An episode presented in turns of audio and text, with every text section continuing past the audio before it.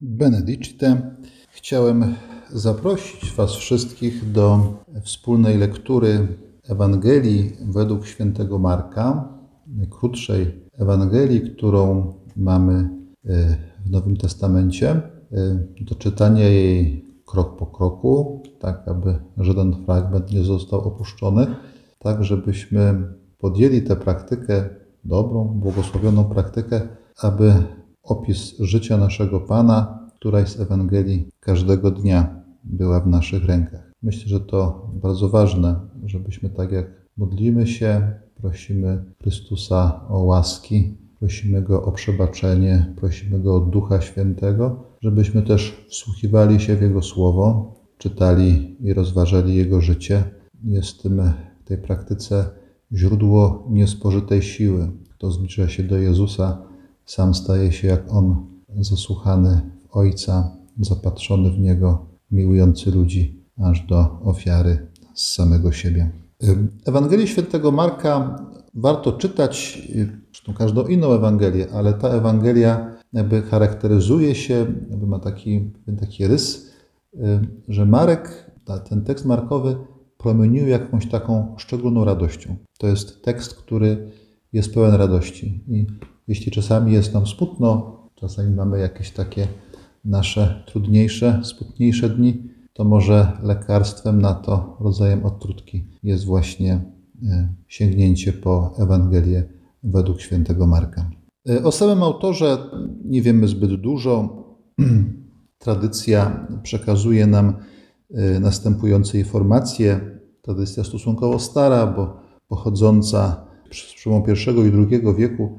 Mam tutaj na myśli autora o imieniu Papiarz, który pisał tak. Marek, który był tłumaczem Piotra, spisał dokładnie wszystko, co zachował w pamięci, ale nie w takiej kolejności, w jakiej następowały po sobie słowa i czyny Pana, bowiem ani Pana nie słyszał, ani mu nie towarzyszył, tylko, jak powiedziałem, Piotrowi. I w pewnym sensie uzupełnia to zmarły na początku III wieku Klemens Aleksandryjski. Gdy Piotr w Rzymie publicznie głosił Słowo Boże i za sprawą ducha opowiadał Ewangelię, jego liczni słuchacze wezwali Marka który od dawna mu towarzyszył i pamiętał jego słowa, by spisał to, co mówił Piotr. Marek to uczynił i dał Ewangelię tym, którzy go o nią prosili. Gdy Piotr dowiedział się o tym, nie zajął żadnego stanowiska, ani mu tego nie zabronił, ani go nie zachęcił. Podobne też świadectwa mamy i od Tertuliana, od Polikarpa, od, od, od Regenesa, a więc jakby bardzo szerokie grono autorów z różnych części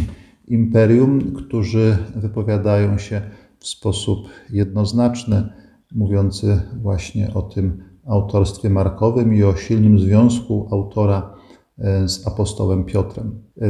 E, niektórzy mówią, tak to upraszczają w pewnym sensie, mówiąc właśnie, że mamy dwóch apostołów, czyli apostoła Jana i apostoła Mateusza, tych, którzy byli świadkami czynów Pana, e, i dwóch, którzy spisywali to, co w jaki sposób nauczały dwa filary Kościoła. A więc Marek spisywał mm, Ewangelię, czy to w jaki sposób uczył święty Piotr, a święty Łukasz, który był uczniem świętego Pawła, spisywał to, w jaki sposób nauczał święty Paweł.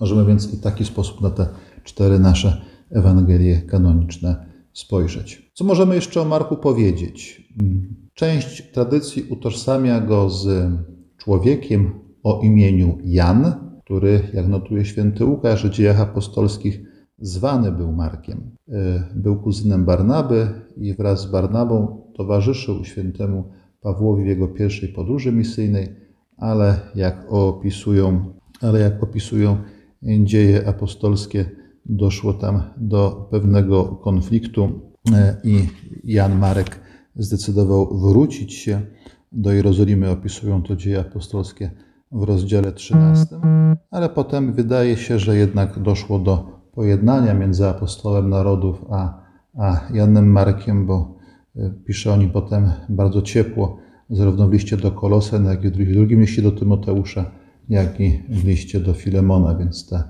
ta relacja musiała potem ulec e, odnowieniu. Prawdopodobnie matka Marka była na tyle, była, była, bardzo, była bardzo bogatą kobietą, prawdopodobnie do niej należał dom, w której odbywała się ostatnia wieczerza, w której był wieczernik, I tylko w Ewangelii Marka mamy napisane, że kiedy Jezus został aresztowany w ogrodzie oliwnym, jakiś młodzieniec nagi, odziany tylko w prześcieradło, szedł za Jezusem, za całą zgrają, która go prowadziła, odziany w tylko to prześcieradło i chcieli go pochwycić ci żołnierze ta straż świątynna, ale on porzucił prześcieradło i nagi uciekł od nich. I ponieważ jest to właśnie materiał tylko spotykany u Marka, kto wie, czy ewangelista nie opisał tutaj również doświadczenia swojego osobistego, skoro może jako młody chłopak towarzyszył, śledził Jezusa i jego uczniów, kiedy ci udali się w ten pamiętny wieczór do Getsemani, aby tam